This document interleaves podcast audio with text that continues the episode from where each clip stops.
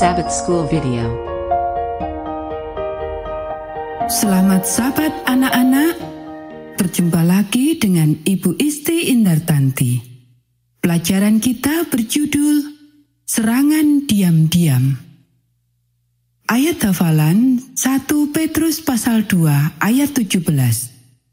Hormatilah semua orang, kasihilah saudara-saudaramu, takutlah akan Allah, hormatilah raja. Poin penting pelajaran kita, kita harus tetap menghormati dan bersikap tenggang rasa kepada orang lain, apa pun yang mereka lakukan kepada kita. Pernahkah engkau diganggu? Adakah seseorang yang selalu mengincarmu untuk diganggu? Pernahkah engkau membalasnya? Selama berbulan-bulan, Daud dan pengikutnya bersembunyi dari Raja Saul. Hidupnya membosankan. Mereka telah menyelamatkan sebuah kota perbatasan dari orang Filistin. Yonatan pernah mengunjungi mereka tetapi kebanyakan mereka hanya berpindah dari satu tempat ke tempat yang lain untuk terhindar dari para pengintai yang akan memberitahukan Saul di mana mereka berada. Raja Saul tahu bahwa Daud telah dipilih Allah untuk menjadi raja yang berikutnya. Tetapi dia tetap mencoba untuk membunuh Daud. Dia ingin keluarganya yang memerintah Israel. Sekali lagi, seseorang telah mengirim kabar kepada Saul mengenai keberadaan Daud. Kali ini, kata berita itu, Daud dan pengikutnya berada di padang gurun Ekendi. Saul membawa 3.000 orang untuk mencari Daud. Sementara mendaki gunung atas keinginannya yang jahat, Saul memutuskan untuk berhenti beberapa menit jadi dia masuk ke sebuah gua. Daud telah menerima sebuah berita. Dia tahu bahwa Saul sedang mencari dia lagi. Dia dan pengikutnya telah bersembunyi dalam sebuah gua. Gua adalah tempat yang bagus untuk bersembunyi. Gua-gua itu dingin dan biasanya mengandung persediaan air. Tetapi orang-orang yang bersembunyi di sana harus berhati-hati karena ada kemungkinan mereka terperangkap di belakang gua. Selama ini Tuhan telah melindungi mereka. Tiba-tiba pintu masuk gua menjadi gelap. Seorang laki-laki masuk. Pengikut Daud yang paling dekat dengan pintu masuk gua segera menyampaikan kabar. Kemudian kabar yang lain juga disampaikan kembali kepadanya. Orang itu ternyata Raja Saul. Ini pasti campur tangan Tuhan, kata pengikut Daud kepadanya. Adalah kesempatanmu untuk membunuhnya. Daud mendengar ucapan pengikutnya. Dia memikirkan apa yang dikatakan mereka. Dia melihat ke pintu masuk gua di mana raja beristirahat. Apakah hal yang benar melukai raja? Pengikut-pengikut Daud terus mencoba meyakinkan dia bahwa tangan Tuhan ada dalam situasi yang aneh ini. Akhirnya Daud tidak tahan lagi. Dia paling tidak ingin melihat berapa dekat dia bisa berada dekat raja. Sambil merangkak diam-diam, Daud mendekati Raja Saul.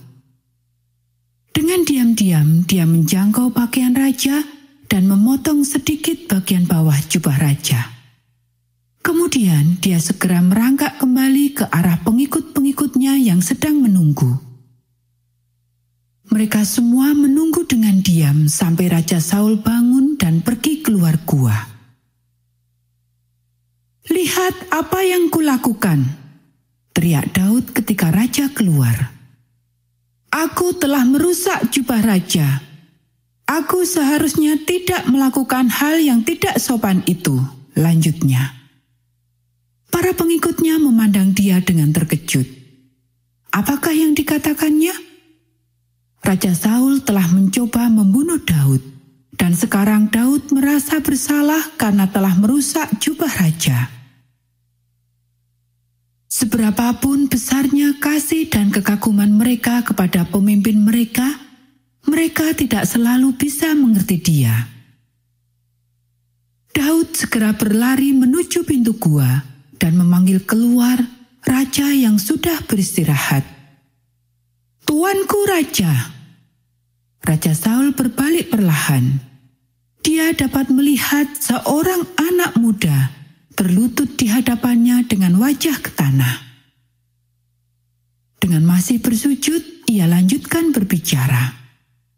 Mengapa engkau mendengar orang bilang Daud sedang mencoba melukaimu? Sementara hari ini engkau dapat melihat bahwa Tuhan telah mengirimkan engkau kepadaku dan aku dapat membunuhmu. Bahkan aku mempunyai banyak cara untuk melakukannya. Tetapi aku tidak dapat melukai raja yang telah diangkat oleh Tuhan. Daud perlahan-lahan mengangkat tangannya ke atas. Sepotong kain berkibar di antara jari-jarinya. Engkau lihat sepotong kain dari jubahmu ini? Aku cukup dekat kepadamu sampai bisa memotongnya dari jubahmu. Raja melihat ujung bawah jubahnya.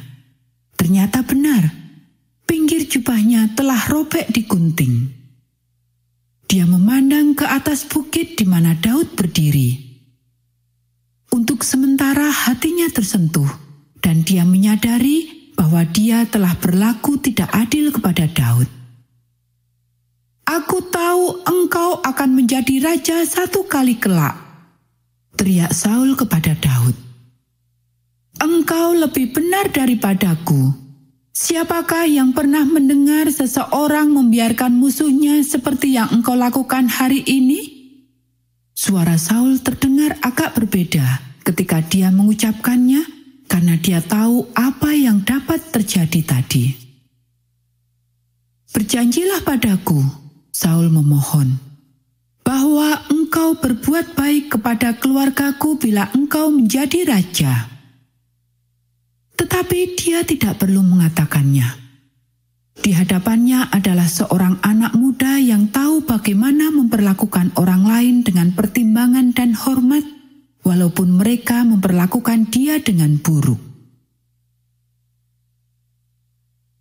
Pelayanan ini dipersembahkan oleh keluarga Pendeta Kurnaidi. Semoga menjadi berkat untuk kita semua.